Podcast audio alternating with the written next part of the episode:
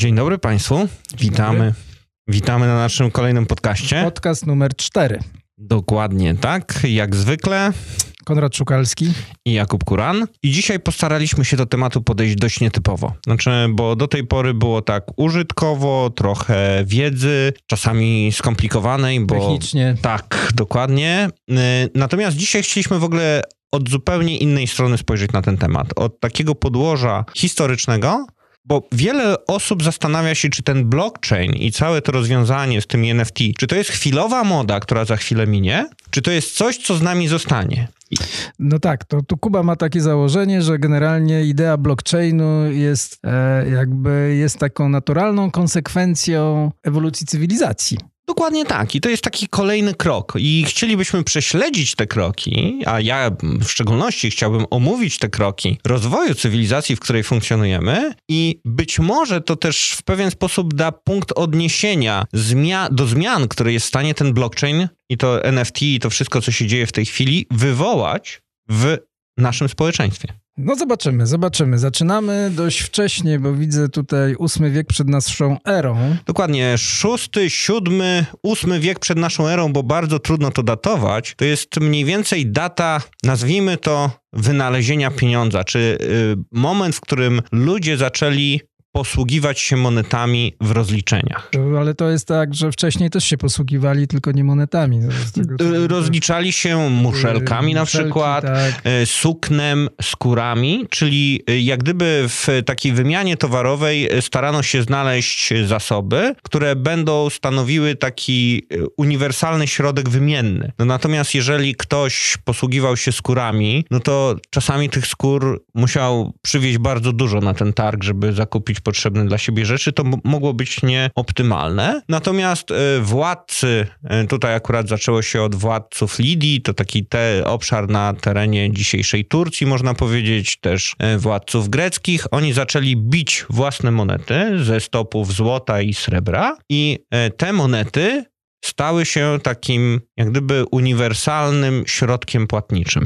Ja też podejrzewam, że ta kwestia parytetu wymiany to jest taką kwestią, która podobnie jak no, wynalezienie ognia i wynalezienie koła to powstała w, w, różnych cywilizacjach w podobnym czasie, bo to, to nie jest jakiś wynalazek jednego genialnego Krezusa, tylko to na pewno było wcześniej i myślę, że w różnych cywilizacjach ludzie po prostu wraz z rozwojem społeczności doszli do, do wniosku, że no, ta wymiana barterowa do końca się nie sprawdza i nie jest efektywna. I to, to mnie też zastanowiło, że właściwie to, to wynalezienie pieniądza, czy, czy właściwie no, waluty, można powiedzieć, e, jest czymś, co e, powstało w sposób naturalny jako konsekwencja rozwoju społeczności. I to spowodowało tym większy roz, y, jakby rozwój społeczności, prawda? Dokładnie, ponieważ y, tak naprawdę to dopiero od powstania monet y, stało się możliwe gromadzenie kapitału. Bo wcześniej, jeżeli próbowaliśmy na przykład zebrać kapitał w postaci pszenicy, jakiegoś zboża czy innego to dobra. robaki zjeść. Dokładnie tak. To samo mogło dotyczyć sukna czy skór. Dlatego złoto wyszło, że jest bardzo dobrym materiałem. Nie podlega korozji. Jest rzadkie. Jest rzadkie, właśnie. Nie można tego nakopać i zrobić inflacji. Dokładnie tak. Tak.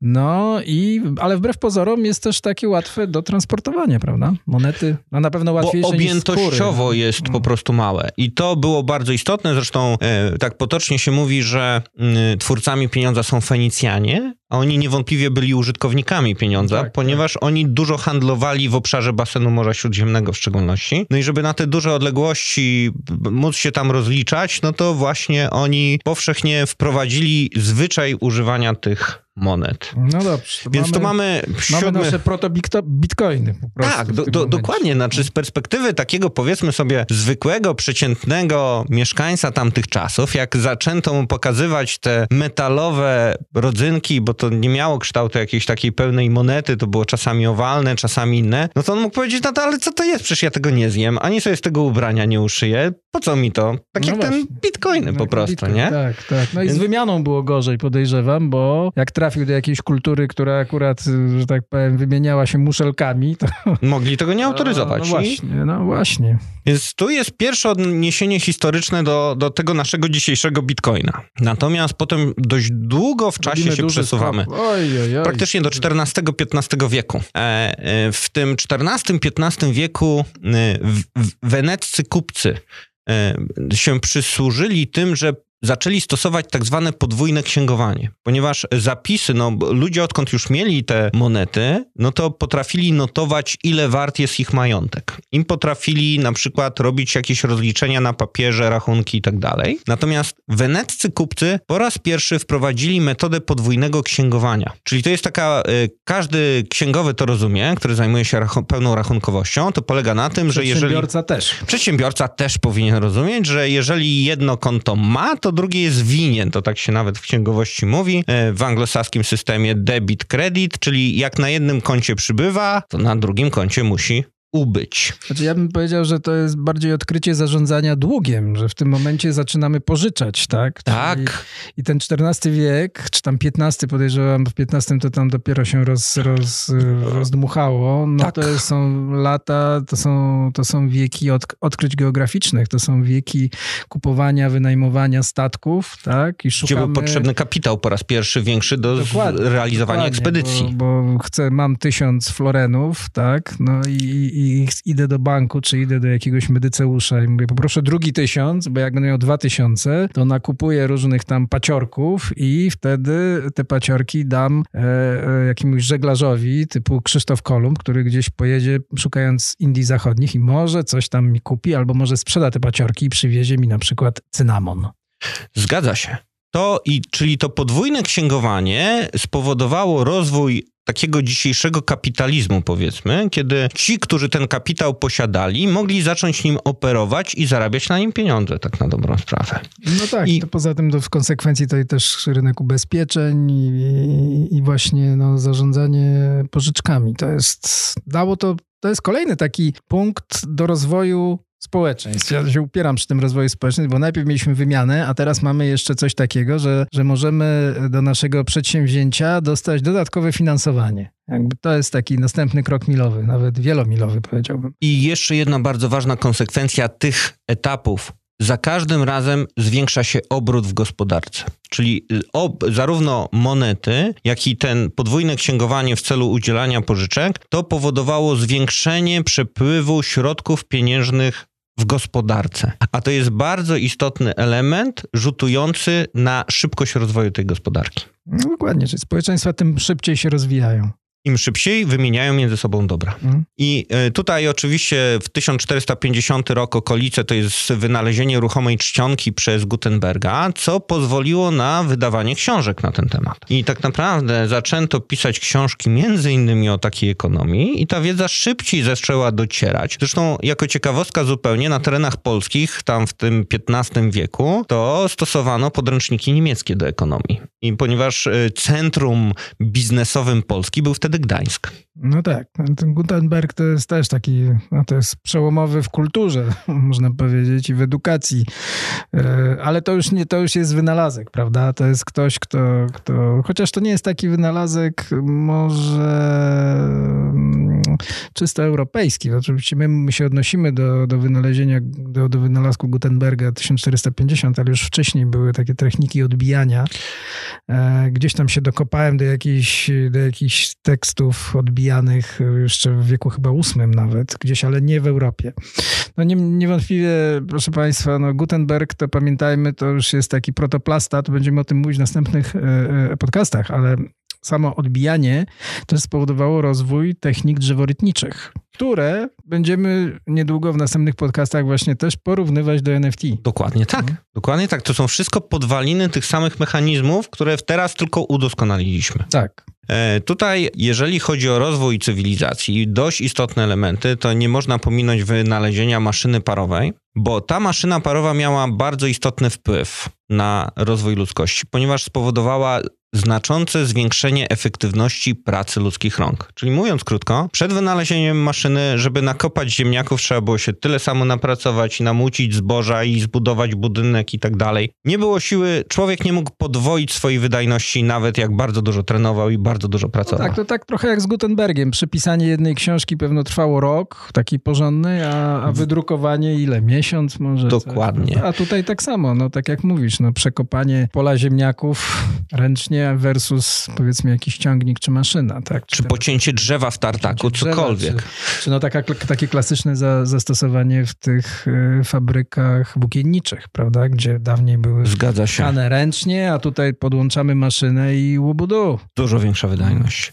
I to spowodowało, że znacznie większa część społeczności mogła zająć się czymś innym, pracą naukową. Jak gdyby dawało to ten zaoszczędzony czas, ta praca, którą inni wykonywali efektywniej, powodowała że pewna część mogła poświęcić swój czas na zupełnie co innego i to generowało efektywny rozwój w kierunku którym To jest, to jest bardzo fajnie właśnie pokazane, że, że ta część ludzi, która do tej pory by musiała właśnie coś tam ręcznie stukać młotkiem, czy, czy, czy, czy skrobać jakimś nożem, no na przykład z weszła na ścieżkę edukacyjną, tworząc tym bardziej inne wynalazki, które tym bardziej przyspieszają ten rozwój cywilizacji, nie? Tak to, i w ogóle na tej naszej, nazwijmy to takiej roadmapie, czy skali czasu, to nagle od tej maszyny parowej naprawdę ruchy zaczynają się bardzo mocno zagęszczać bo maszyna parowa to jest 1763 rok, a to fajnie jest osadzić sobie, e, że tak powiem, w, w pewne rzeczy na, na osi czasu, bo nagle potem raptem 20 parę lat później wybucha rewolucja francuska, która zaczyna zmieniać zupełnie stosunki społeczne. Niedługo później, bo dosłownie niecałe 10 lat później od wybuchu rewolucji francuskiej mamy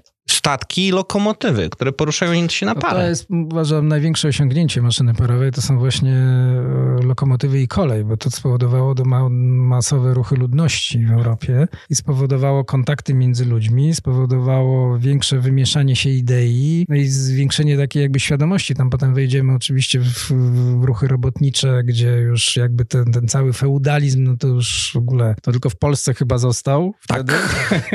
Tak. w tamtych czasach, w połowie Wieku, ale cały, cała Europa już pędziła do przodu bardzo szybko, tak? I dzięki tej właśnie mieszaniu się osób, mieszaniu idei, tego, to nagle świat się zbliżył. To prawie tak jak przy, Globalizm przy... pierwszy. Można powiedzieć, tak, że to był pierwsze, tak, pierwsza na, epoka globalistyczna. Na skalę, na skalę europejską, no, ale no, no w sumie globalną też, bo te statki parowe, tak, to przekroczenie Atlantyku też, też, też się skróciło dosyć istotnie. No tak, no potem mamy samoloty, potem mamy internet. Tak, to tak. Jest, to jest dokładnie no, ten sam kierunek. Można wręcz powiedzieć, że na tej lokomotywie wjechało nam oświecenie, e, czyli zupełnie nowy trend zarówno w nauce, jak i sztuce, bo e, do tej pory tak naprawdę głównym mecenasem sztuki, kultury i nauki był Kościół. Natomiast tutaj ten kapitał, który się coraz bardziej bogacił, władza świecka coraz no bardziej no odrywała tak, się od to kościoła. To jest, to jest ten XIX wiek i to tak jak wspomniałeś rewolucję francuską, tam nastąpiło właściwie takie uderzenie, że, że wchodzi nam zupełnie, jest przemieszanie warstw społecznych. Mamy potem Napoleona, który też w jakiś sposób zaniósł tą rewolucję do Europy, rozpropagował ją w czasie wojen napoleońskich w Europie i no i ta, ta cała struktura właśnie quasi-feudalna upadła. Ona, ona się zaczęła potem e, jakby, no tak jak powiedziałeś, nastąpiła, nastąpiło powstanie klasy posiadającej zupełnie innej, nie tak jak Kościół czy feudałowie, tylko ta klasa, która wywołała rewolucję francuską i która później będzie borykać się z klasą robotniczą. E, I co więcej, ta klasa przyspieszała obieg pieniądza, ponieważ z perspektywy królów było ważne gromadzenie środków na takie wydarzenia jak wojny, jakieś większe inwestycje. Natomiast ta burżuazja, nazwijmy to, ona żyła z obracania pieniądzem. I tu znowu mamy bardzo istotne, że te dwa pierwsze wynalazki, czyli wynalezienie monet, potem papierowych banknotów, a później jeszcze tej podwójnego księgowania przez tych Wenecjan, to pozwoliło tej burżuazji zarabiać na życie i się bogacić. I to jest istotne, że bez tych dwóch pierwszych wynalazków wynalazków nie byłoby tej burżuazji, nie byłoby tego oświecenia, nie byłoby tych zmian społecznych, tak na dobrą sprawę. No i dalej rozwijamy kulturę i sztukę, czego tutaj dowodem jest dagerotyp, czyli... No, 1840-39. Taką, taką informację wizualną właściwie, można to powiedzieć, to jest pierwszy taki krok w przekazywaniu informacji wizualnej. Uwieczniamy coś na w miarę trwałym nośniku, tak? I nie musimy do tego zatrudnić malarza, który to zrobi według swojego widzimisię. Możemy mieć nagle portret babci nad kominkiem i to jest nasza babcia. 10 portretów, jakie poodbijamy. Tam tak, dagerotyp akurat się nie nadawał, ale, ale szkiełko potem. Później, tak. tak. Cały czas tutaj ewoluujemy. Zgadza się i to też dla pokazania, bo to jest jedna z ważniejszych rewolucji na tej drodze do Bitcoina, czyli w roku 1873 zrobienie, wynalezienie, stworzenie telefonu, uruchomienie linii telefonicznej przez Bella. Tutaj trochę powiedziałbym, że no, zgadzam się, ale tak jak porównując z naszymi czasami, tak sobie pomyślałem, że ten Bell, ten telefon, to tak jak u nas Messenger, ale takim prawdziwym, powiedzmy, pierwszym komunikatorem XIX wieku to był jednak telegraf. Telegraf był pierwszym takim systemem, który pozwalał w czasie, wówczas prawie, że rzeczywistym, bo to kilkadziesiąt minut chyba trwało. Tak, no jeszcze ktoś musiał od tego telegrafu pobiec tym listem do tego miejsca, gdzie on, no tak, gdzie on tak, był. Tak, tak, ale to było pierwsze właściwie przekazywanie informacji na odległość. To było trochę wcześniej chyba. To prawda, pierwsza tak. połowa XIX to było, to było wcześniej. Bell to już był full wypas, to już, to już to dźwięk, już było... to już można było właśnie nie latać, nie było posłańca, nie było jakichś tutaj kodów, prawda, tylko od razu można było porozmawiać. Potem się przekonamy, jak istotne było to, to wynalezienie tego telefonu i, i jak miało wpływ na dalsze, dalsze ciągi nawet tego internetu dzisiejszego. W każdym razie to jesteśmy w roku 1873. W 1884 to jako ciekawostka pan e, George Eastman bodajże, on chyba miał, George Eastman e, stworzył firmę, który założyciel firmy Kodak, on e, stworzył pierwszą kliszę fotograficzną i to spowodowało, że fotografia, można powiedzieć, weszła pod strzechy, bo po raz pierwszy ktoś mógł wziąć kamerę fotograficzną do torby, pojechać z nią na wakacje i po powrocie pokazać znajomym, gdzie był. To... No, albo pojechać z nią na wojnę, bo w tamtych czasach trochę wojen było, ten koniec XIX wieku, e, więc, więc to też i rozwój prasy i, i obiegu informacji, prawda, bo wtedy fotografie pojawiają się w prasie. Przedtem tak. na przykład to były, na przykład używano szeroko drzeworytów. Na przykład w książkach. były ilustracje. Ilustracje były robione drzeworytnicze. To na przykład w Polsce w XIX wieku w tygodnikach ilustrowanych mamy właśnie bardzo dużo przykładów drzeworytów. No oczywiście w międzyczasie powstały oczywiście jeszcze samochody, samoloty. Tych wydarzeń pod koniec XIX wieku technicznych, przełomowych było bardzo dużo. No i takim... No i film, film, film też powstał. Tak, powstał film, dokładnie tak. E, tutaj nie wszyscy wiedzą, ale w ogóle projektor kinowy stworzył Edison. Tak naprawdę znany jest z żarówki, a tak na dobrą sprawę to stworzył kinematograf. I teraz przerywa to wszystko ten piękny sielski świat oświeceniowy, nowoczesny, przerywa pierwsza wojna światowa. Bardzo istotne wydarzenie, że tak powiem, społecznie dla całej Europy. No i po tej wojnie światowej, jak się podnosi kultura, sztuka, to, to, to i tu chcę nawiązać w szczególności do przemian, które powodują rozwoje, przełomy cywilizacyjne, przełomy techniczne. Znaczy, ponieważ powstała fotografia, artyści zdali sobie sprawę, że dalsze malowanie portretów po prostu nie ma sensu. No bo skoro można sfotografować człowieka i jego to satysfakcjonuje, to po co malować następne portrety, widoki, obrazki? Artyści zaczęli szukać nowych form wyrazu. No tak, tak. Znaczy to, to, też myślę, że to był taki moment, kiedy właśnie w tym dwudziestoleciu międzywojennym, kiedy jakby to, co uważamy w sztuce za piękne, czyli jakby rola piękna w sztuce przestała być rolą wiodącą. I ta sztuka już nie była tylko po to, żeby do, dostarczać pięknych wrażeń estetycznych. wrażeń estetycznych, ale też zaczęła właśnie, właśnie wszyscy się zaczęli zastanawiać, co z tym zrobić, znaczy w którym kierunku to idzie. I no jak popatrzymy na dwudziestolecie, no to tutaj y, to mamy oczywiście ten dadaizm, ale to jest właściwie czas, czas jednej wielkiej awangardy. I, i, I jak popatrzymy, mamy z jednej strony czarny kwadrat Malewicza, a z drugiej strony mamy e, e, obrazy Picassa, wychodzi nam właśnie kubizm, no, jest, jest wielkie bogactwo prądu. Podwalina pod surrealizm tak naprawdę. Tak, tak. I to wszystko się, to jest, to jest takim, w takim tyglu, to, to, to, to się miesza, ale to uważam, że jest taki czas takiej wspaniałej ludzkiej kreacji, gdzie, gdzie ludzie próbują różne rzeczy, próbują, pokazują różne, różne, e, różne nowe drogi. Część z tych dróg jakby staje się autostradami, a część jakby zanikającymi Niszami, ścieżkami. Tak. tak. Albo takimi właśnie ścieżkami, których mało kto używa. Ale to no niestety, to jest też, ja, ja chciałem też powiedzieć, że ta pierwsza wojna światowa to, to, to jest jednak coś takiego,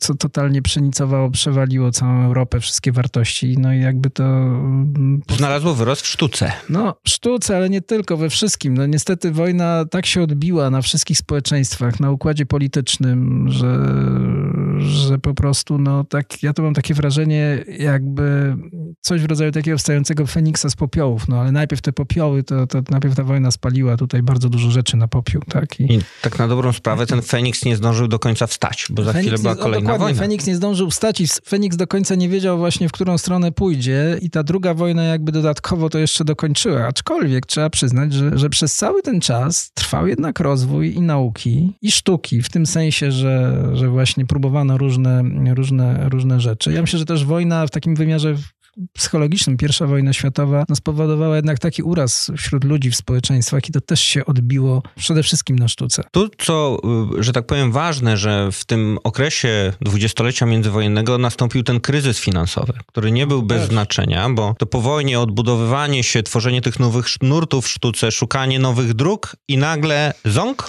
tak, ten no kryzys. To, to, jest w ogóle to dwudziestolecie to, to jest taka straszna huśtawka nastroju, bo z jednej strony mamy wojnę, wielką tragedię, po tej wojnie mamy falę euforii, okej, okay? super, jest, jest, wojna się skończyła, ale w tym momencie wchodzi cała fala komunizmu, który na początku jest bardzo atrakcyjny dla tych społeczeństw, które po wojnie jakby liżą rany, prawda? Przecież o mały włos i Niemcy nie stałyby się państwem komunistycznym. Tam była wielka rewolucja, była zaraz po wojnie, była Republika Weimarska, która w ogóle była taką, taką jakby euforycznym państwem, które było jednak niezorganizowane, tak? Ale była, było, które powstało, myślę, na takiej, takiej fali euforii. No dopiero potem przed nazizm, który to jakby zrobił porządek porządek. Skanalizował, tak. po prostu skanalizował, ale to jest bardzo w ogóle ciekawe, ponieważ w tym okresie właśnie, pomiędzy tą pierwszą a drugą wojną światową, mamy bardzo wiele ruchów, które mówią władza dla ludu.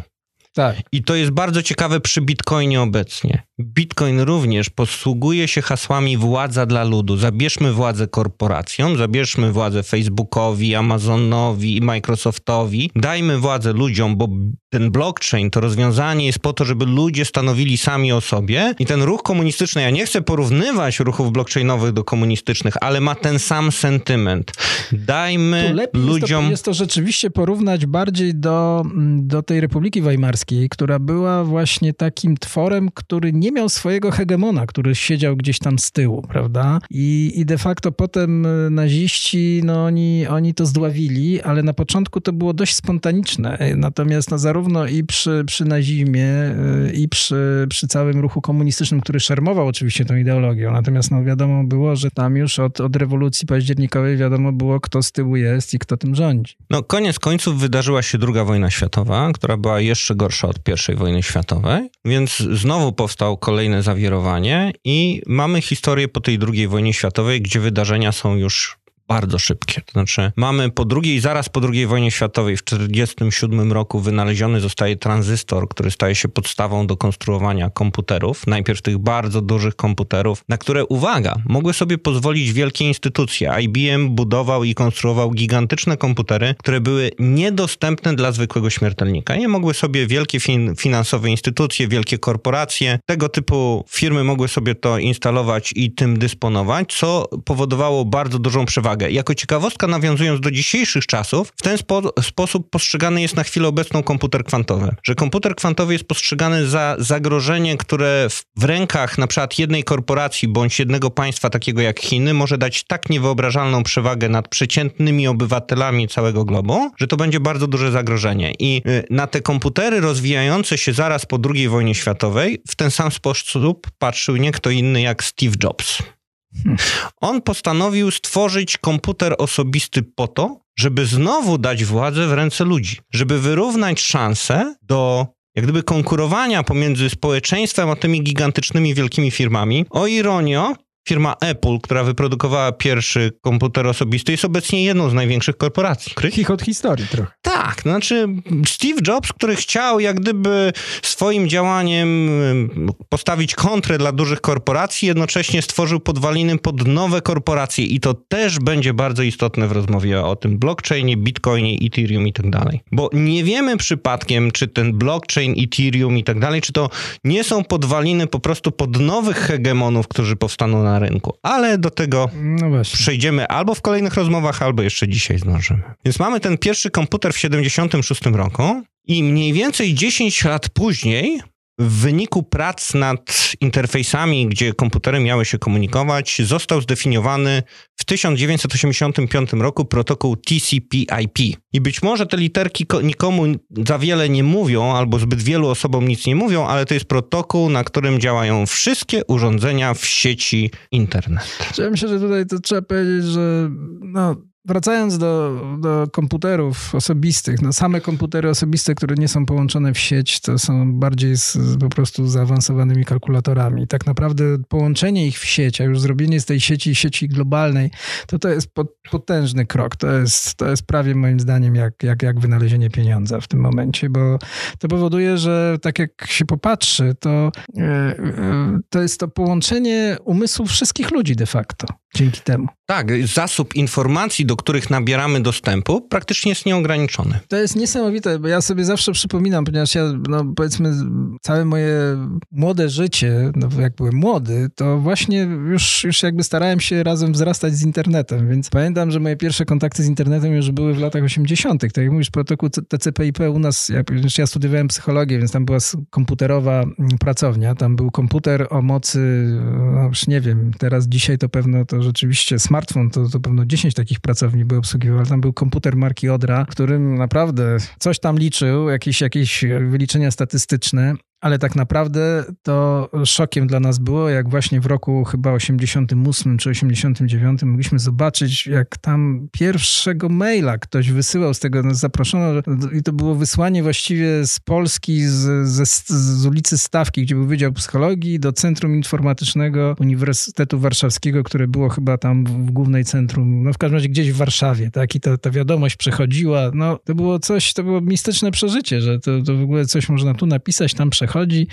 I co ważne, do obsługi tego protokołu komunikacyjnego potrzeba było wyśmienitych fachowców, którzy umieli to skonfigurować. No tak. Znaczy, no wiadomo, żaden zwykły śmiertelnik nie był w stanie tego zrobić. Co więcej, ja akurat z tą technologią spotkałem się w połowie lat 90., kiedy ja zacząłem studia informatyczne i wtedy podłączenie modemu do komputera, skonfigurowanie sterowników, wykupienie linii serwerowej do wdzwaniania się przez telefon i odebranie maila to było naprawdę strasznie skomplikowane przedsięwzięcie.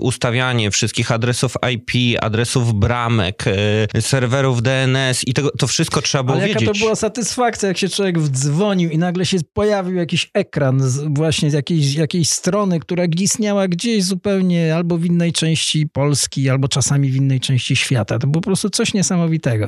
I ja porównuję ten etap w ogóle rozwoju internetu do rozwoju blockchaina, na którym jesteśmy obecnie. Żeby założyć sobie portfel kryptowalutowy, dokonać pierwszych tak, transakcji. ten, ten pierwszy czas, ten, ten pierwszy okres taki pionierski, gdzie tak. musisz tam tym śrubokrętem wydłubać coś tam właśnie, no tu nastukać, tam nastukać, wymęczyć się, przejść taką barierę, która do, jest czasami dość zniechęcająca, żeby uzyskać efekt. No to nie jest jeszcze taki user experience, że po prostu dwa kliki i bum. Ja, ja, pamiętam, że w latach 90., właśnie w połowie lat 90., stworzyłem stronę internetową, serwis internetowy i potrzebowałem sponsorów do tego serwisu i chodziłem po różnych firmach i tłumaczyłem tym firmom, co to jest internet i wszędzie zostałem odprawiony z kwitkiem. Nikt po prostu nie uw... po, po, powiedzieli mi, pokaż mi, którzy nasi klienci korzystają z tego czegoś, prawda? Dokładnie. To jest tak, jak teraz właśnie słucham e, na przykład e, opinii, e, no, również klientów domu aukcyjnego, ale też czytam różne komentarze na temat NFT i te komentarze są właśnie takie, a, a co to z tego będzie, nie wiadomo, to to jest w ogóle jakaś, jakieś nie wiadomo co. I, no, komentarze są generalnie nieprzychylne. Ja do tego mam na przykład stosunek dość otwarty, ponieważ pamiętam jak w, w latach dwutysięcznych koncepcja tego, że ktoś będzie kupował dzieła sztuki przez internet była e, równie gorąco tutaj komentowana, jak, jak dzisiaj jest komentowane NFT. NFT. Dokładnie. Dla wielu osób to było niemożliwe, że że żeby kupić obraz tylko na podstawie tego, że on się wyświetli na monitorze. Dzisiaj jest to powszechna praktyka, która w ogóle zdominowała takie, takie tak po prostu no, kupowanie na aukcjach mm, jakby za pomocą fizycznej obecności. Dlatego 20 lat jest totalna zmiana. I to dosyć uczy pokory do nowych rozwiązań. Przynajmniej mnie nauczyło pokory. Tak więc jesteśmy w 85 roku, mamy początki internetu. Ten internet e, teraz się nazywa Web 1.0, bo te cyferki są dość tutaj istotne, ponieważ aby stać się członkiem i uczestnikiem tego internetu, trzeba było skonfigurować serwer, postawić na nim stronę internetową albo serwer pocztowy i wtedy można było publikować treści na stronie www, bądź sobie wymieniać te maile. I to, co co było bardzo ważne w internecie, tym Web 1.0, to to, że każdy mógł postawić ten serwer, każdy mógł go wpiąć do sieci i tą stronę sobie, że tak powiem, co tam chciał, to takie treści mógł umieszczać na tej stronie. Czy mam taką tak. uwagę, że a propos właśnie tego, tego tej, tej globalizacji, tego, tego właściwie, że internet umożliwił to, że właśnie też zaczynając w latach 80., że każdy teoretycznie mógł zrobić swój wkład, włożyć swoją, na przykład swój intelektualny pomysł gdzieś w jakąś globalną sieć, która może, mogła być, i ten pomysł mógł być wykorzystany przez inne osoby do czegoś. Takim doskonałym przykładem jest stworzenie systemu operacyjnego Linux. Tak. Który, który stworzył to bodajże Finn, Linus Li Torvalds. Tak. Stworzył open,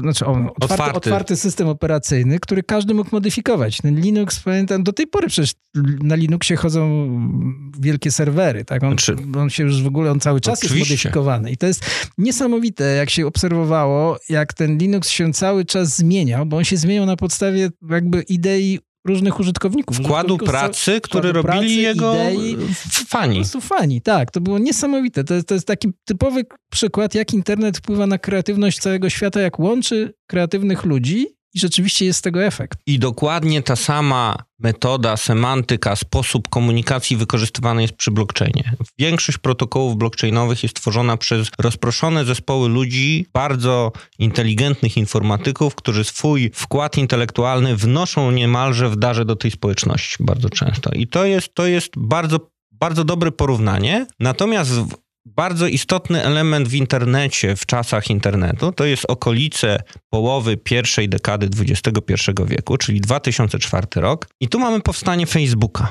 Co zmienia tak naprawdę, powiedzmy, dlaczego ten Facebook jest tak istotny? Co zmienił Facebook w tej internetowej rzeczywistości? Mianowicie po raz pierwszy użytkownicy stali się twórcami treści. Czyli nie trzeba było postawić własnego serwera, żeby dzielić się swoimi opiniami. Można było skorzystać z serwera skonfigurowanego w taki sposób, ustawionego tak, że ja jako użytkownik miałem swoją ścianę, mogłem na niej publikować, mogłem e, publikować swoje komentarze do publikacji innych, czyli tak naprawdę nagle ze świata, który był skoncentrowany na tym, że to duże sieci telewizyjne, duże sieci prasowe dostarczały informacji do społeczności tylko jak gdyby w jedną stronę, nagle powstała komunikacja w drugą stronę. Nagle odbiorcy treści stali się również twórcami tych treści i to ten moment nazywany jest powstaniem internetu 2.0. No tak, to, to bariera jakby wejścia do globalnej sieci wymiany myśli została bardzo obniżona. Także nie trzeba było być tak zwanym geekiem komputerowym, tylko można było posiadać podstawowe umiejętności. A jeszcze z drugiej strony trzeba pamiętać, że rośnie, rosło nam nowe pokolenie, dla którego, które wzrastało właśnie w te, już w tych, w, tych, w tych początkach tej kultury e, wymiany informacji, wymiany tak. informacji, ale też takiego oswojenia się w ogóle z, z urządzeniami elektronicznymi tego typu jak komputer właściwie w tamtych I strony czasach. internetowe, strony czy tam jakieś serwisy, komunikatory. Też, też to pokolenie nie było takie, ono już było w jakiś sposób przygotowane do tego. Ich nie przerażało to, że muszą otworzyć komputer, nie przerażało ich kwestia, mm, e, nie wiem, klawiatury i to jest bardzo fajne, to powiem taką anegdotę, bo jak ja często mm, e, no z racji swoich zainteresowań mm, na przykład uczyłem, nie wiem, no nawet moich rodziców, jak obsługiwać komputer, mysz komputerową, no to na przykład dla nich kwestia kliknięcia w mysz była bardzo trudna. Mój syn, urodzony w 2000 roku, do niego jak miał 5 lat, to w ogóle ja nie wiem, ale on, on ja, ja go niczego nie musiałem uczyć jakby sam... Brał to, co było. Brał to, co było, tak, tak. Natomiast człowiek już, powiedzmy, no starszy, w tamtych czasach inne pokolenie, dla nich sama kwestia obsługi myszy była bardzo trudna. Nawet taka, powiedzmy, no sensomotorycznie, żeby ten klawisz zrobić double clicka w odpowiednim momencie. W odpowiednim momencie, no to było prawie jak nauka jazdy samochodem i włączanie biegów, no. Natomiast cała ta ten dobrostan tego internetu 2.0 przyszedł z pewnym kosztem. I kosztem tego internetu 2.0 stało się to, że bardzo, jak gdyby powstały takie monopole. To znaczy, kiedyś była nasza klasa, dzisiaj naszej klasy nie ma. Kiedyś było gadu-gadu, nasz lokalny komunikator, dzisiaj gadu-gadu nie ma. Powstały wielkie monopole typu Facebook, YouTube, Instagram, Twitter kosztem tych mniejszych serwisów, y, na których po prostu jak gdyby serwis tworzy wartość poprzez ilość użytkowników, jaką posiada. I Facebook był siecią globalną, posiadającą miliony użytkowników. W porównaniu do naszej klasy to był po prostu potentatem. I po pewnym czasie ludzie zauważyli, że mają więcej znajomych na Facebooku niż na naszej klasie, więc po co korzystać z tej naszej klasy? Tylko jest jeden problem. Jeżeli ja bym chciał przesłać sobie wiadomość z mojego walla na Facebooku na walla na naszej klasie, to to było już niemożliwe. A w tym internecie 1.0, tym pierwszym pierwszym, jak ja postawiłem swój serwer pocztowy i ktoś postawił swój serwer pocztowy, my mogliśmy ze sobą, że tak powiem, wymieniać te maile. Natomiast te korporacje, które przyszły, stworzyły te rozwiązania w postaci tych super serwerów społecznościowych, sieci społecznościowych dla ludzi, one jak gdyby jednocześnie ludziom odebrały możliwość migracji do innych systemów. Czyli pojawili się hegemonie, nastąpiła naturalna koncentracja i no i tak weszli wielcy gracze, którzy zaczęli no, ten internet w jakiś sposób kontrolować. Już niestety, adieu demokracja. Dokładnie. Teraz mamy cenzurę, można zdjąć e, konto pre prezydenta największej potęgi światowej po prostu od tak i on nie ma nic do gadania, bo mhm. platforma postanowiła, że nie będzie wpuszczać go na tą platformę. Więc taki był konsekwencja i tu jeszcze nie można zapomnieć o jednym urządzeniu, które było przełomowe i wracamy oczywiście do firmy Apple i pierwszego iPhone'a, który powstał w 2007 roku. Ja powiem szczerze... 15 jak... lat temu. Niecałe. Ja miałem wrażenie, że to już jest dużo więcej czasu, kiedy my mamy do czynienia ze smartfonami. A tak naprawdę iPhone był pierwszym smartfonem, bo były próby jakichś systemów z Windowsem.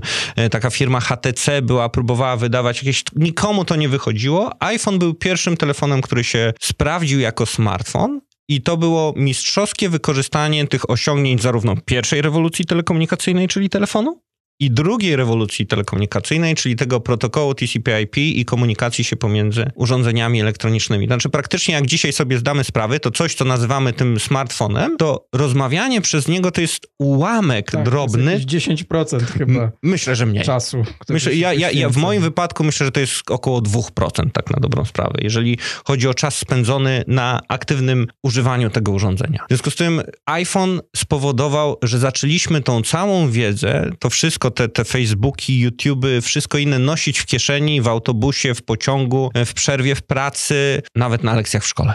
No tak, ale z drugiej strony patrząc, to, to tak jak wspominałeś y, chwilę temu, no to ci hegemonowie, którzy, którzy rządzą internetem, no to już mają teraz doskonale po, doskonałe pole i dostęp do nas wszystkich, żeby nas poddawać manipulacji w każdym momencie. Dokładnie. Bo jak nie było smartfonów, to mieliśmy ten komputer, przy którym trzeba było jednak usiąść, prawda? Nie wiadomo, gdzie byliśmy pomiędzy jednym otwarciem komputera, a no, drugim otwarciem komputera. Tak, bo... No, można było sobie, właśnie, nie było tych, tych, tych lokalizacji, wszystkiego, a tu przy iPhone'ie wiemy wszystko. I mało tego, ten iPhone mamy przy sobie i tak naprawdę w każdej wolnej chwili y, się w niego wpatrujemy, czyli jakby no, konsumujemy informacje, które są nam przez niego podawane. Na przykład w metrze, w tramwaju, poczekalni gdzieś, u lekarza też czytamy. No, a ci hegemonii informacyjni tylko na to czekają. Budują wokół nas banki informacyjne, filtrują informacje, które uważają, że dla nas są niepożądane i przyjmują w ten sposób kontrolę nad naszym światopoglądem. No właśnie, to Kuba, jak będzie komputer kwantowy i to wszystko będzie w stanie zanalizować, to rzeczywiście to tak, nawet to... nie będziesz wiedział, co, co lubisz, bo o tym pomyślą za ciebie. Tak, my, myślę, że dojdziemy do takiej audycji, kiedy będziemy mówili w ogóle o komputerach kwantowych, szczególności, że one są dużym zagrożeniem dla niektórych protokołów blockchainowych, ponieważ mogą je odkryć te klucze prywatne i nagle to wszystko pójdzie. Mm, no tak, tak. No ale to już jest inny temat. Dobra, jedziemy dalej. 2008 rok, czyli rok później niż powstanie iPhone'a, Satoshi Nakamoto publikuje swój manifest, w którym opisuje, jak powinien wyglądać system, w ramach którego ludzie będą wymieniali pomiędzy sobą wartość bez konieczności uczestnictwa trzeciej zaufanej strony. I tu dochodzimy do clue, co to jest ten bitcoin, no właśnie. co to jest ten Cały blockchain. czas na to czekam i chyba już wiem. Teraz właśnie jak przeczytałem tą definicję, która tutaj u nas się na ekranie pojawiła. Czyli rozumiem, że wszystkie banki na śmietnik na tak. przykład. Tak? Ale Konrad, domy aukcyjne również. No niestety tak, tak. Też do tego doszedłem przy NFT, przy analizie NFT, tak. No. Zmieniają jest... się role. Jak gdyby, to znaczy prawdopodobnie, tak jak pieniądze spowodowały i podwójne księgowanie spowodowało zupełne wywrócenie dotychczasowych obiegów towarów w gospodarce, tak istnieje bardzo duża szansa, że w wyniku tych rozwiązań, które nam zafundowały rozwiązania blockchainowe, również zmienią się relacje i sposób obrotu towarami w gospodarce. I co innego może być towarem, bo nagle się okazało, że towarem może być kompletnie nieistniejący obiekt, który jest czymś, jakimś elektronicznym zapisem. Powstał nowy rodzaj towaru. No właśnie, to jest taka bardziej sprawa psychologiczna, bo tak sobie pomyślałem, że tak jak mówisz, ten nowy rodzaj towaru, czy na przykład właśnie jak NFT, to jest to coś takiego, co my naszym aparatem poznawczym jesteśmy w stanie poznać i zrozumieć, ale psychicznie mamy problem z akceptacją. To jest ciekawe, że z jednej strony ty wiesz, ok, ja rozumiem jak to działa, ale no, nie jestem w stanie tego w ogóle zaakceptować. No to wracamy do tego siódmego wieku, kiedy komuś ktoś po raz pierwszy pokazał monetę. Skórami. No tak. I mówi, tak. teraz nie będziesz woził tych skór na targ, dokładnie, tylko będziesz dokładnie, woził te metalowe tak. elementy. A ktoś, kto cały czas używał barteru, dla niego to było coś po prostu no, szokującego. szokującego, że jak to, on tu kawałek metalu, no ładny, błyszczy się i co on, co on z tym zrobi? Przecież on się nie naje. To jest taki jak, jak syndrom człowieka na pustyni. Tak. Masz wiesz, złoto, szapkę złota i butelkę wody. Dla niego to w ogóle użyteczność zerowa, nie? Ta psychologia musiała się wykształcić. Ludzie właśnie, musieli uwierzyć. Dokładnie Dokładnie. że to ma tą wartość i my jesteśmy mniej więcej na tym samym etapie. Po pierwsze, bardzo podobnym etapie, na jakim jest, był internet w latach 90., na początku lat 90. i jesteśmy na bardzo podobnym etapie psychologicznym całego tego procesu, jak ludzie, którym pokazywano monety w VII wieku przed naszą erą. Dokładnie, tu się zgadzam. Dobrze. Pociągnijmy ten temat z Bitcoinem i jakbyś jeszcze mógł tak swoimi słowami opowiedzieć, bo ja rozumiem, że rzeczywiście no taką, taką meta, meta nadrzędną ideą jest to, że nie potrzebuje instytucji zaufania. Tak. Przy wymianie. Czyli Bitcoin został stworzony w taki sposób, że każdy może się przyłączyć do tej sieci. Każdy. Ale zaraz, zaraz, Bitcoin czy blockchain? Blockchain, blockchain. tak naprawdę pierwszym... Bitcoin to rozumiem jest, jest walutą. Ko konkretna waluta stojąca na blockchainie, tym pierwszym, pierwszym, który zdefiniował Satoshi Nakamoto. Potem, bo blockchain, ponieważ jest całkowicie otwarty, potem zaczęły powstawać następne koncepty tego samego, tylko w inny sposób zrealizowane i one się już nie nazywają Bitcoin, no dobrze, a Dogecoin, ale, ale, Ethereum. Ale moment, moment, moment, to uporządkujmy to. Czyli mamy blockchain. To Uwaga, sposób... blockchain jest to sieć komputerów połączonych ze sobą, które przechowują wszystkie transakcje zapisane przez ludzi. I tu wracamy, uwaga, to wróćmy do 1400 roku, mniej więcej do tego XV wieku, kiedy ci Wenecjanie wprowadzili ten podwójny zapis księgowy, że tu na koncie znika, to tu na koncie się pojawia. I blockchain tak naprawdę jest elektronicznym rejestrem takich operacji, stworzonym w taki sposób, że nie można go zmienić, a dlatego się to nazywa blockchainem, bo powiedzmy, jeżeli wyobrazimy sobie, że te transakcje zapisujemy na kartkach papieru i na jednej kartce papieru możemy zmieścić 100 transakcji, że ten sprzedał, z tego konta zniknęło tyle, na to konto wpadło tyle i tak dalej. Jak już zapisaliśmy jedną kartkę, to potem podpisam, pod, podłączamy do drugą kartkę, bierzemy i łączymy te kartki ze sobą w taki sposób, że nie można wyjąć żadnej kartki ze środka. I też jest jedna bardzo ważna zaleta i zasada blockchaina, że każdą kartkę dopinamy do segregatora, na przykład w przypadku Bitcoina co 10 minut. Czyli rejestrujemy tyle transakcji, ile tam ludzie chcieli. Jak tych transakcji było mniej niż mogło się zmieścić na kartce, minęło 10 minut, dziękuję, wkładamy do segregatora, zapisujemy następną kartkę. I tak jak mówię, dokładnie wiadomo, która kartka była po której i nie ma metody na to, żeby to sfałszować. To jest tak genialnie pomyślane, za pomocą pewnych kryptograficznych obliczeń komputerowych, że gdyby ktoś chciał sfałszować którąkolwiek z tych kartek, to ilość pracy, jaką musiałby wykonać, to skonsumowałaby całą energię kuli ziemską prądu, na przykład, którą zużywamy przez ileś tam lat. Jest to tak trudne. Mhm. No dobra, ale to, to, to jest tak, że co, że, że te wszystkie transakcje, one są trzymane w jednym miejscu, czy one są... One są, i uwaga, każdy, kto przyłącza się do tej sieci i postawi własny komputer funkcjonujący w tej sieci, to również może przechowywać cały y, cały ten y, zapis tego ciągu tych bloków, czyli tych transakcji. I na dzień dzisiejszy takich komputerów, nie jestem pewien, ale to jest kilkanaście tysięcy na świecie, czyli kilkanaście tysięcy na świecie komputerów. Każdy z nich przechowuje pełną kopię tego rejestru transakcji blockchain. A, czyli jak sobie na przykład znudzi mi się i wyłączy, albo prąd wyłączą, to, to pozostałe co? 10 tysięcy z hakiem... tego samego. Tak, dokładnie tak. A. A ty w każdej chwili możesz się z powrotem podłączyć, zaktualizować swoje repozytorium i dalej się w to bawić. No to rzeczywiście to jest, to, to, to, to jest, to jest system bardzo odporny. To, to je, je, jeżeli w szczególności mówimy o Bitcoinie, to na chwilę obecną, bo ponieważ powstało wiele nowych rozwiązań, chociażby tak jak Ethereum, Solana i wiele innych, być może zrobimy na ten temat oddzielną audycję, ale niewątpliwie Bitcoin jest najsolidniejszą z nich. No dobrze, ale bo ja cały czas mam, mam, mam problem z jednym, z jedną rzeczą. Dla mnie coś takiego jak blockchain jest rzeczą absolutnie nadrzędną nad Bitcoinem. Znaczy Bitcoin jest jed, pewną formą, pe, pewną... Jednym pewnym, z blockchain. Jednym, jednym, jednym z zastosowań blockchainu, można tak powiedzieć? Nie, nie, nie, nie? To, to znaczy Bitcoin jako Bitcoin to jest sieć, czyli mówiąc krótko, jeżeli ja postawię sobie komputer, i chcę na nim zainstalować oprogramowanie do kopania kryptowalut, to mhm. wtedy podejmę decyzję, czy chcę się połączyć do sieci Ethereum, mhm. i kopać, że tak powiem, Ethereum, czy chcę się podłączyć do sieci Bitcoin, bo to już jest trochę inne oprogramowanie, będę musiał inny zestaw oprogramowania zainstalować na komputerze i wtedy będę kopał te bitcoiny, jak się połączę do sieci Bitcoin po prostu i w, w ramach tej sieci będę operował. Oczywiście, żeby w ogóle dokonywać transakcji w tej sieci, zwykły użytkownik nie musi stawiać swojego serwera, korzysta z tych kilkunastu tysięcy, które są dostępne i zawsze może mieć pewność, że ta transakcja, której dokonał, na wszystkich z nich będzie przechowywana. Czyli jak ja z mojego portfela kupię sobie NFT, to, to... ślad po tej transakcji będzie na kilkunastu tysiącach komputerów. Okay. Rozumiem. I to jest, e, bo cały ten manifest Satoshi Nakamoto, on ma 8 stron. I on określił, na jakiej zasadzie te 11 tysięcy komputerów ma dochodzić do tak zwanego konsensusu, czyli podejmować wspólne zdanie i to robi algorytm. I ten algorytm jest tak przemyślnie napisany, że jeżeli którykolwiek z tych komputerów będzie próbował oszukiwać, to przegra. Straci te pieniądze, które zainwestował w te obliczenia komputerowe, bo inne pozostałe powiedzą, nie, sorry stary, ty niestety tutaj coś, coś kombinujesz. My mamy tą prawdziwą wersję i ustalamy, że to jest ta prawdziwa wersja.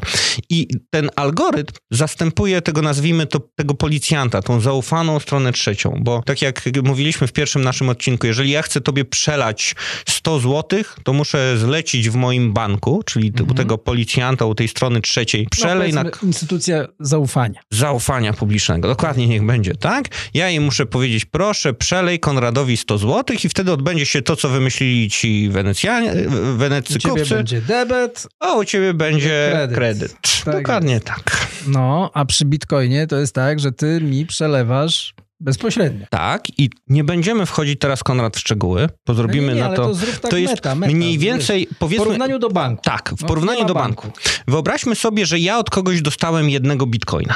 Mhm. I jest informacja w tej sieci, że ja od tamtego, powiedzmy, marka dostałem jednego bitcoina. I on jest mój. I teraz, jeżeli ja bym tobie chciał zapłacić pół bitcoina, to ja wykonuję taką operację, gdzie mówię: Bardzo proszę, tutaj jest ślad po transakcji, w wyniku której ja dostałem jednego bitcoina. Teraz weźcie tą transakcję i z tej transakcji pół bitcoina dajcie Konradowi, a drugie pół jako resztę wydajcie z powrotem na moje konto. I zostają w systemie dwie transakcje w rezultacie. Transakcja, gdzie ja tobie, ty otrzymałeś pół bitcoina i ja otrzymałem pół bitcoina reszty. I to jest bardzo ważne, ponieważ ten cały system przechowuje informacje, czy dana transakcja, jak ty otrzymałeś te pół bitcoina, czy ty wykorzystałeś tego pół bitcoina, czy ty cały czas go masz. I system, jako te serwery, one skrupulatnie pilnują. Jeżeli ja od tamtego marka dostałem tego jednego bitcoina i tobie już zapłaciłem pół bitcoina, to ja już nie mogę się powoływać więcej na tą transakcję, kiedy Marek mi przelał te pół bitcoina, tylko co najwyżej mogę się powoływać na transakcję, kiedy reszta pół bitcoina z powrotem trafiła na moje konto z tej transakcji. Trochę to jest skomplikowane, ale tak dokładnie działa bitcoin. No, staram się złapać taki moment, w którym, bo rozumiem to rozproszenie na tych kilkunastu tysięcy komputerów. To jest bardzo fajna rzecz. Rozumiem, że każdy z tych komputerów co jakiś czas tam się uaktualnia i tak dalej, tak? tak. To, jest, to jest automatycznie cały czas się tak. to wszystko uaktualnia, uaktualnia, uaktualnia. One się synchronizują. Świat... No, miałbym tutaj pewne zastrzeżenia do zasobożerności, bo to nawet jeżeli to są ciągi tekstowe i to zajmują bity, to, to, to jednak skala jest olbrzymia, prawda? No, ale zastanawiam się kwestia właśnie kto jest tutaj, czy nie ma nikogo centralnego, nie. kto tym rządzi? Nie ma. Ja po prostu wydając dyspozycję do tego systemu, mówiąc do jednego z takich węzłów, który posiada, proszę teraz tutaj jest transakcja, w wyniku której ja dostałem jednego bitcoina. Więc Wszystkie ja się... komputery o tym wiedzą w tym momencie. Tak, dowiedzą się, jak ta transakcja już zostanie zapisana w bloku, to już wszyscy to zapiszą, na tej kartce nazwijmy. Więc ja się powołuję na tą transakcję, gdzie dostałem jednego bitcoina od Marka i mówię, użyj tej transakcji, daj pół bitcoina Konradowi, a resztę pół bitcoina znowu to będzie kolejna transakcja, na którą będę się mógł okay. powoływać. Bo są też na przykład Ethereum, działa na troszeczkę innej zasadzie niż Bitcoin, ponieważ w Ethereum przechowywany jest balans danego konta adresu. Czyli w sytuacji, jeżeli ja od Marka dostałem jeden Ethereum, to wszystkie komputery zanotowały, że na moim koncie jest tyle a tyle Ethereum. Jeżeli wcześniej nie miałem nic, to jest jeden Ethereum na moim koncie. I one wszystkie te sieci, te komputery tej sieci w węzłach trzymają tą informację. Jeżeli ja tobie chcę zapłacić pół Ethereum, to one wtedy do twojego balansu konta dodadzą pół Ethereum, a z mojego balansu konta zdejmą, zdejmą pół Ethereum i zostanie wtedy pół znaczy, Ethereum. Rozumiem, podsumowując, żeby nie było zbyt skomplikowanie, jaka me metoda metodą, ale generalna idea jest taka, że wszyscy wiedzą o twoim ruchu i zapisują tak. ruch każdego. Dokładnie i, i każdą transakcję widać. Mhm, no to jest rzeczywiście, to się hegemonom na pewno nie spodoba. E, I tu właśnie teraz, tak jak rozmawialiśmy o tym, gdzie ten Steve Jobs, chcąc wyjść do ludzi i dać im władzę, stworzył hegemona, powstaje bardzo duże ryzyko, ponieważ wszystkie operacje w sieci blockchain są widoczne, no to jeżeli na przykład taki twór jak państwo dowie się, jaki jest twój adres portfela, no to bardzo doskonale może prześledzić operacje, które robiłeś w tej sieci blockchain. Zresztą była taka sytuacja, to się nazywało Silk Road. Był taka, takie przedsięwzięcie w Stanach Zjednoczonych, które polegało na tym, że gość handlował narkotykami za pomocą bitcoina. I to się nazywało Silk Road. I nikt nie wiedział, kto jest tym gościem. Ale koniec końców, jak znaleziono jeden, znaleziono jedną niteczkę, która prowadziła, że ktoś przelał na konto takie, a potem z tego konta przelał na konto takie, a potem i ktoś gdzieś wypłacił pieniądze, poszli do tego kto wypłacił pieniądze, FBI go zatrzymał, powiedział, stary, od kogo ty dostałeś te pieniądze? I po kolei doszli do faceta, który te narkotyki za pomocą tego Silk Road sprzedawał, chociaż gościowi się wydawało, że jest totalnie anonimowy. Po numerach portfela jednak. Można było dojść. Oczywiście tam, powiem szczerze, są bardzo skomplikowane procedury. Jest taki sieć, która się nazywa Monero, która potrafi tym tak zaszachować, za, zachachmęcić, żeby no to tak, było trudne do dojścia. Mi się wydaje, że to jest generalnie to jest tak jak z problemem identyfikacji w internecie. To Dokładnie. jest tak, że Ludziom się my... wydawało na początku, że są anonimowi. Tak, ale, ale ludzie nie żyją w internecie. To jest tak, że te, te sfery się prze, przenikają. No jest sfera cyfrowa, w której, w której mamy swoją tożsamość, ale my żyjemy w normalnym świecie i, i w którymś momencie zawsze znajdzie się jakaś szczelina. To jest to, gdybyśmy byli tylko tworami cyfrowymi, może byśmy byli totalnie anonimowi, ale ponieważ, no tak jak z tożsamością, tak jak rozmawialiśmy poprzednio, że proszę Państwa, jak ktoś ma portfel, no to teoretycznie jest tylko definiowany przez adres portfela, tak? Ale żeby się uwiarygodnić, to ludzie mają przecież i konta na Facebooku i konta na Instagramie. I, tam mogą powiedzieć, to jest mój mają portfel. Własne strony www, i mają własne strony www i nawet mod biedy mają i numery telefonów, tak, pod które można zadzwonić. Także to są informacje, które się dają, ale, pod, ale wskutek tego, że, że, że, że, mamy swoje ślady w różnych światach, no też łatwo jest do nas dojść, czyli ta, zawsze ta anonimowość jest lekko iluzoryczna. Jest i, i wydaje mi się, że to będzie, to znaczy jest takie niebezpieczeństwo, jeżeli chodzi o, o te kryptowaluty i blockchainy, że tak jak na początku w internecie ludziom się wydawało, że są anonimowi, że mogę napisać na forum co chcę i nikt nie będzie wiedział, kto to mhm. napisał. Tak teraz wszyscy już sobie zdają sprawę, co to jest ślad cyfrowy i że reklamy, które nam się wyświetlają, mogą zależeć od tego, kiedy, którędy jechaliśmy, wracając z pracy do domu, albo z kim się spotkaliśmy po drodze, bo nasze telefony były blisko siebie i już w ten sposób można nam wyświetlać lepiej spersonalizowane reklamy, prawda? Przestaniemy być anonimowi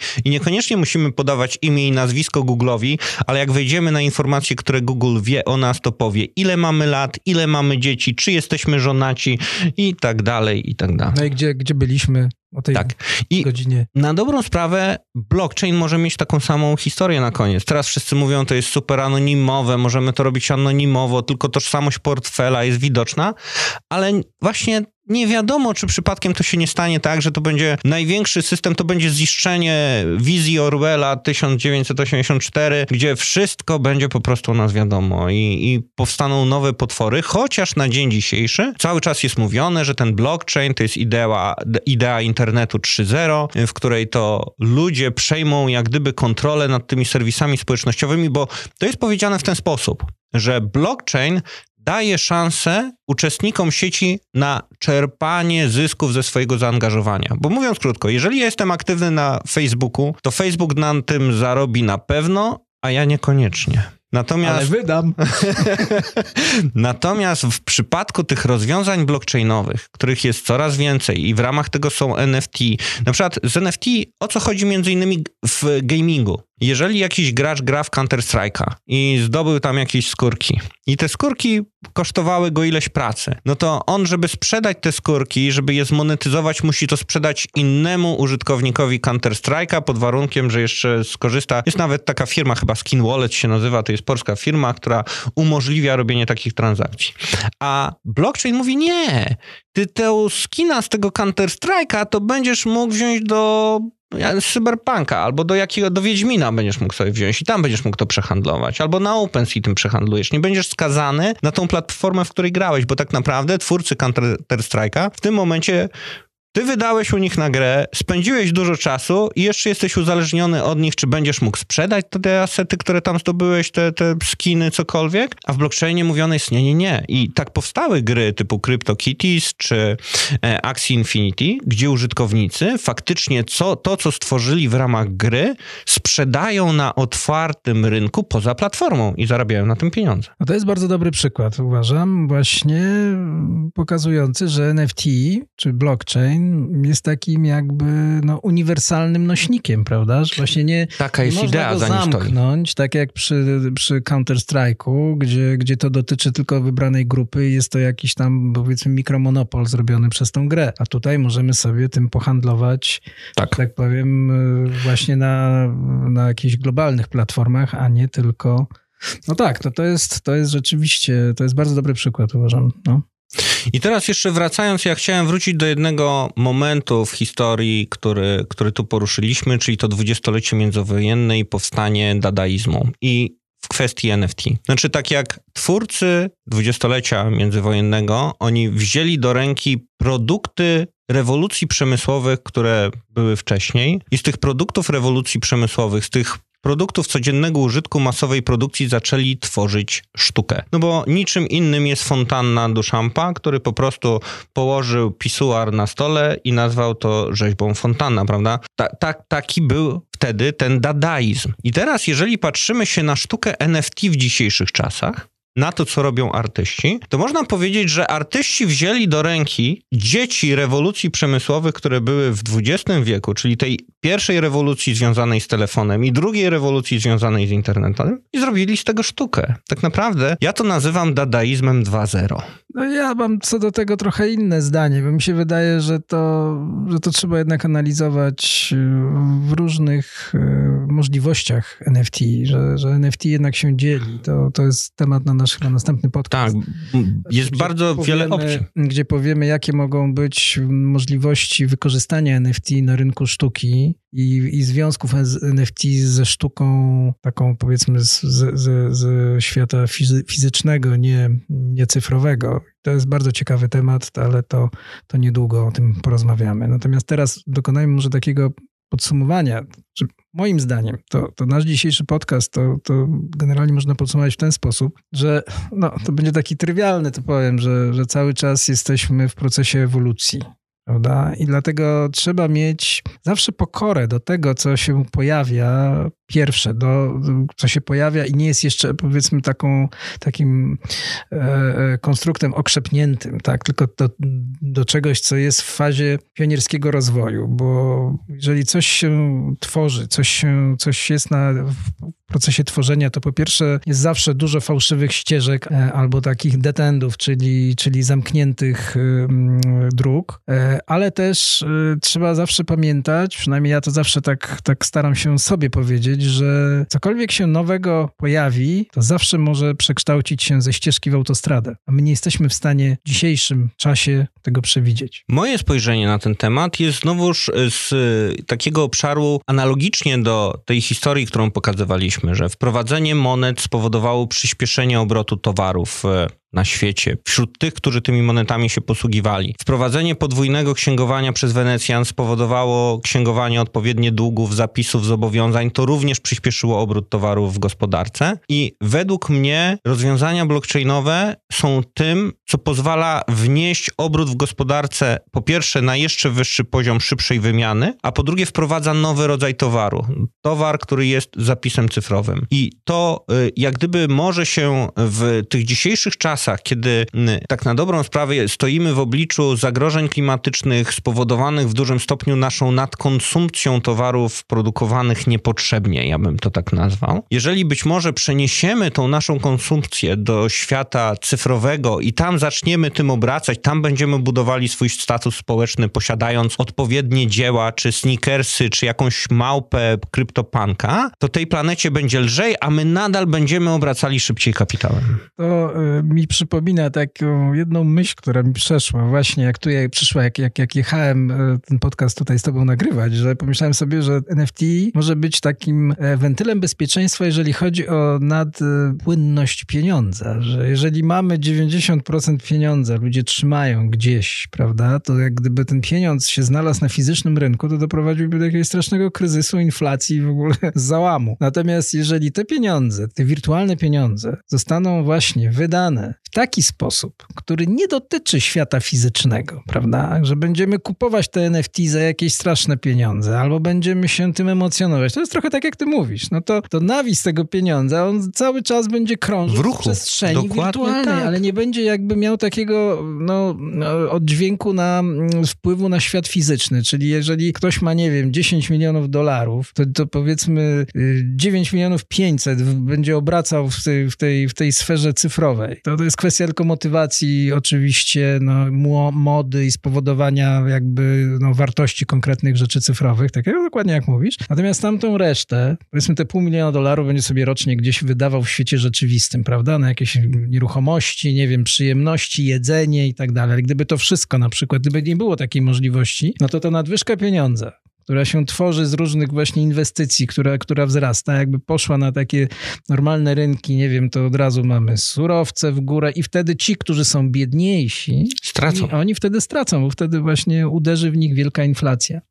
Tak to może wyglądać i warto patrzeć na to z tej perspektywy. Właśnie z takiej perspektywy tworzenia się zupełnie nowego rynku, który nie należy patrzeć na to w negatywnych konotacjach, że to jest głupi wymysł. Tak samo jak ci ludzie w tym VII wieku przed naszą erą mogli mówić, te monety to jakiś głupi wymysł. Po, po, po co mi to? Ja bym pa, tak patrzył na te coiny, blockchainy, tak, bitcoiny. Tak, to tak jak w latach 90. jakby ktoś pomyślał, że ma używać, nie wiem, wirtualnej portmonetki albo że ma mieć konto w smartfonie. Tak, to nie do wyobrażenia. Wysłać przelew ze smartfona. To było zupełnie nie, nie ten, nie do zaakceptowania. Do zrozumienia tak, ale nie do zaakceptowania. No więc to, to, myślę, że nam, jak gdyby, mam nadzieję, że przedstawiliśmy pewnego typu wizje, które odpowiadają na pytanie postawione na samym początku. Co, po co w ogóle jest ten blockchain, ten bitcoin, te kryptowaluty, jaką to może pełnić rolę? I mam nadzieję, że macie już Państwo bardziej zdeterminowane zdanie, czy to jest chwilowa moda, czy to z nami zostanie. No właśnie. Dziękujemy bardzo. Dziękujemy bardzo. Do następnego podcastu. Do usłyszenia.